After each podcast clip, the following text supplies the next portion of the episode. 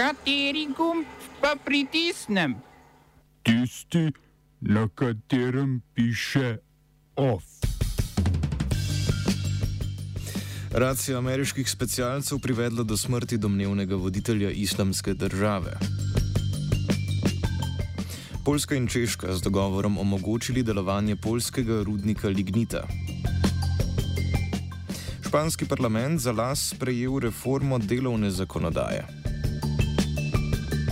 Svis po dvigu plač zdravnikov člane pozna, pozval k glasovanju o splošni stavki v vzgoji in izobraževanju. V kulturnih novicah pa razpis za regionalni zbornik Rukopisi 45.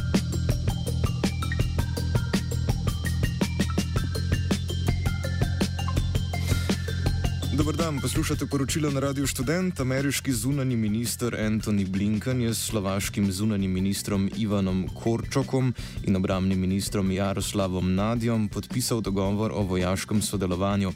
Po dogovoru bo ameriška vojska lahko brezplačno uporabljala slovaški letališči pri krajih Silač in Malacki. V zameno naj bi Združene države investirale v slovaške vojaške zmogljivosti med drugim 87 milijonov evrov v obnovo obnovo obeh letališč, ki jo ameriška vojska sicer že uporablja.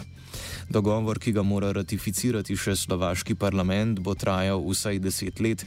Po tem obdobju imata strani pravico do, od njega odstopiti, a bo ameriška vojska lahko infrastrukturo, ki jo bo obnovila, uporabljala, dokler bo potrebno.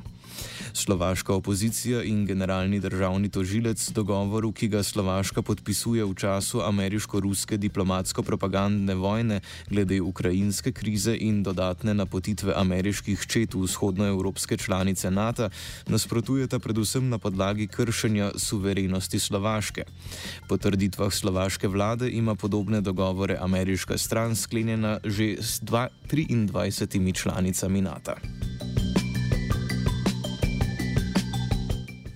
Generalni sekretar NATO Jens Stoltenberg po, bo po izteku vodenja vojaške zveze konec leta zasedel stolček guvernerja Norveške centralne banke. Preden je postal prvi mož NATO, je Stoltenberg na Norveškem že bil premijer. Ameriške sile so po besedah predsednika Joeja Bidna z bojišča uspešno odstranile vodjo islamske države Abuja Ibrahima al-Kurajšija. Ameriške specialne enote so namreč izvedle racijo na severozahodu Sirije, kjer so strjeni še zadnji ostanki islamističnih milic, ki se borijo proti oblasti predsednika Bašarja al-Assada. Preden so ameriške enote Al-Kurajšija zajele, se je ta po trditvah ameriške vojske razstrelil, prav tako je z njim umrla njegova družina. V operaciji naj bi skupno umrlo 13 civilistov. ZDA so v Siriji močneje spet posegle že konec prejšnjega meseca, ko so z letalskimi napadi podprle kurdske sile pri napadu islamske države na mesto Hasak. Prvi minister Severne Irske Paul Given je v protest proti carinskim kontrolam blaga, ki je na Severno Irsko uvoženo iz drugih delov Združenega kraljestva, odstopil. Njegov odstop sledi odločitvi kmetijskega ministra Edwina Puca, ki je v noči srede na četrtek napovedal odpravo carinskih kontrol izdelkov uvoženih iz Velike Britanije na Severno Irsko. Na Severnem Irskem si želijo novega dogovora med Evropsko unijo in Združenim kraljestvom, ki bi dotične carinske kontrole odpravil. Uvedel jih je namreč posebni protokol dogovora o Brexitu, ki ga je konec leta 2020 z unijo sklenil Boris Johnson. Odstop Givana in odločitev Puta je pritisk vladajoče stranke severnoirskih unionistov na britanske pogajalce z Brusljem, naj nov dogovor dosežejo še pred marcem. Gre tudi za notranje politično igro unionistov, ki so si na lokalnih volitvah maja obetali poraz proti republikanski stranki Shane Fein, sicer njihovi koalicijski partnerici. Med trenutnimi prioritetami Borisa Johnsona reševanja severnoirskega vprašanja prav gotovo ni, saj se trenutno ukvarja predvsem z ohranitvijo lastnega položaja, ki se maja zaradi afere s prirejanjem zabav na Downing Streetu. Zaradi napak pri organiziranju zabav so odstopili vodja Johnsonovega kabineta Dan Rosenfield, glavni tajnik Martin Reynolds, premijev svetovalec za komuniciranje Jack Doyle in politični svetovalki Munira Mirza ter Elena Narozanski.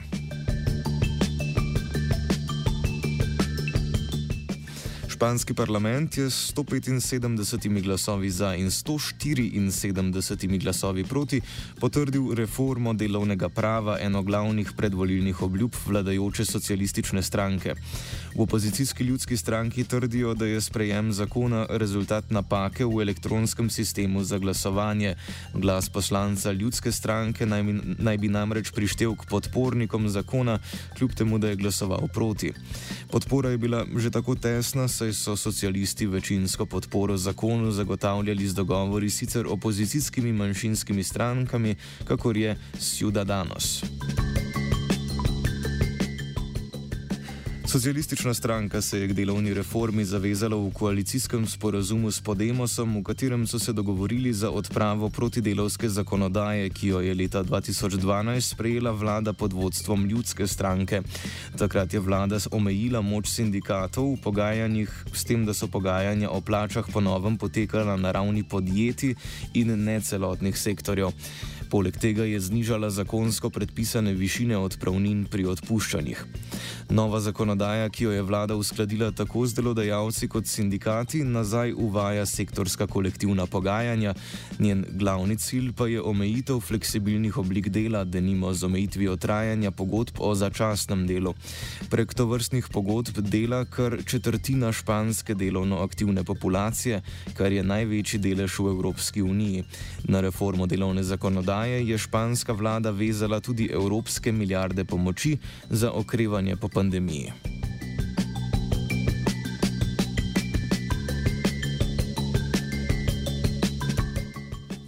Poljski premijer Mateusz Morawiecki je s češkim kolegom Petrom Fjalo podpisal dogovor o končanju sodnega spora glede rudnika Lignita Turov na jugozahodu Poljske.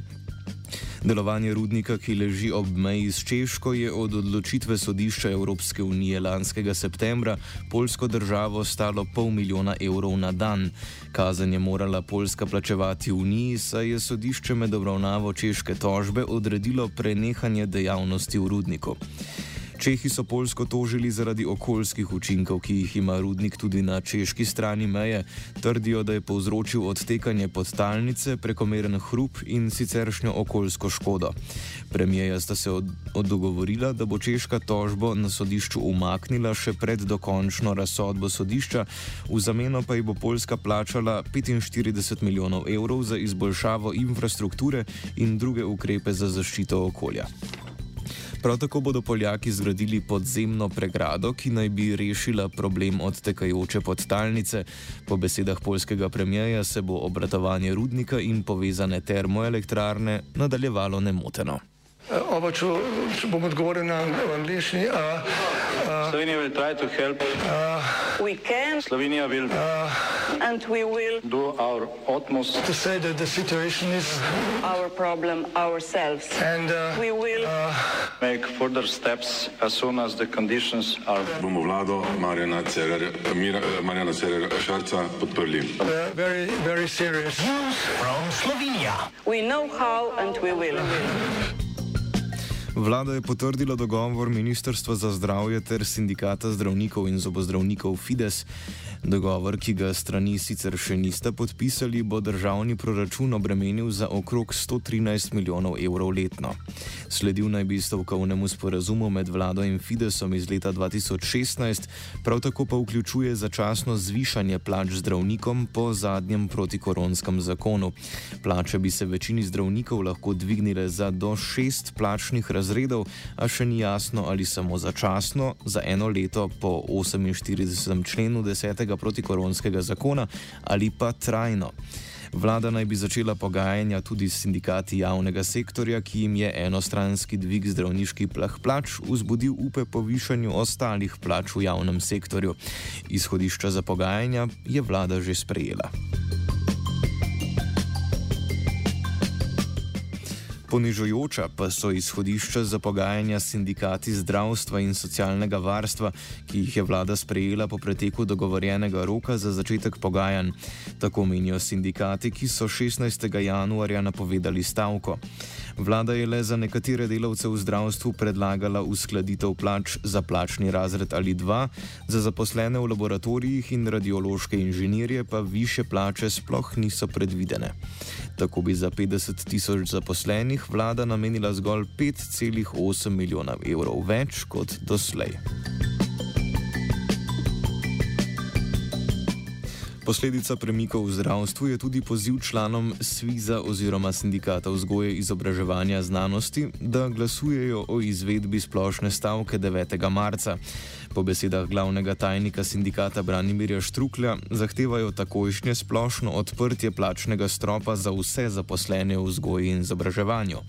V sindikatu zahtevajo tudi sklenitev dogovora o vrednotenju in plačilu dodatnega dela, ki ga povzroča epidemija v vzgojno-izobraževanju izobraževalnih zavodih. Of je spisal Martin, sledijo pa kulturne novice.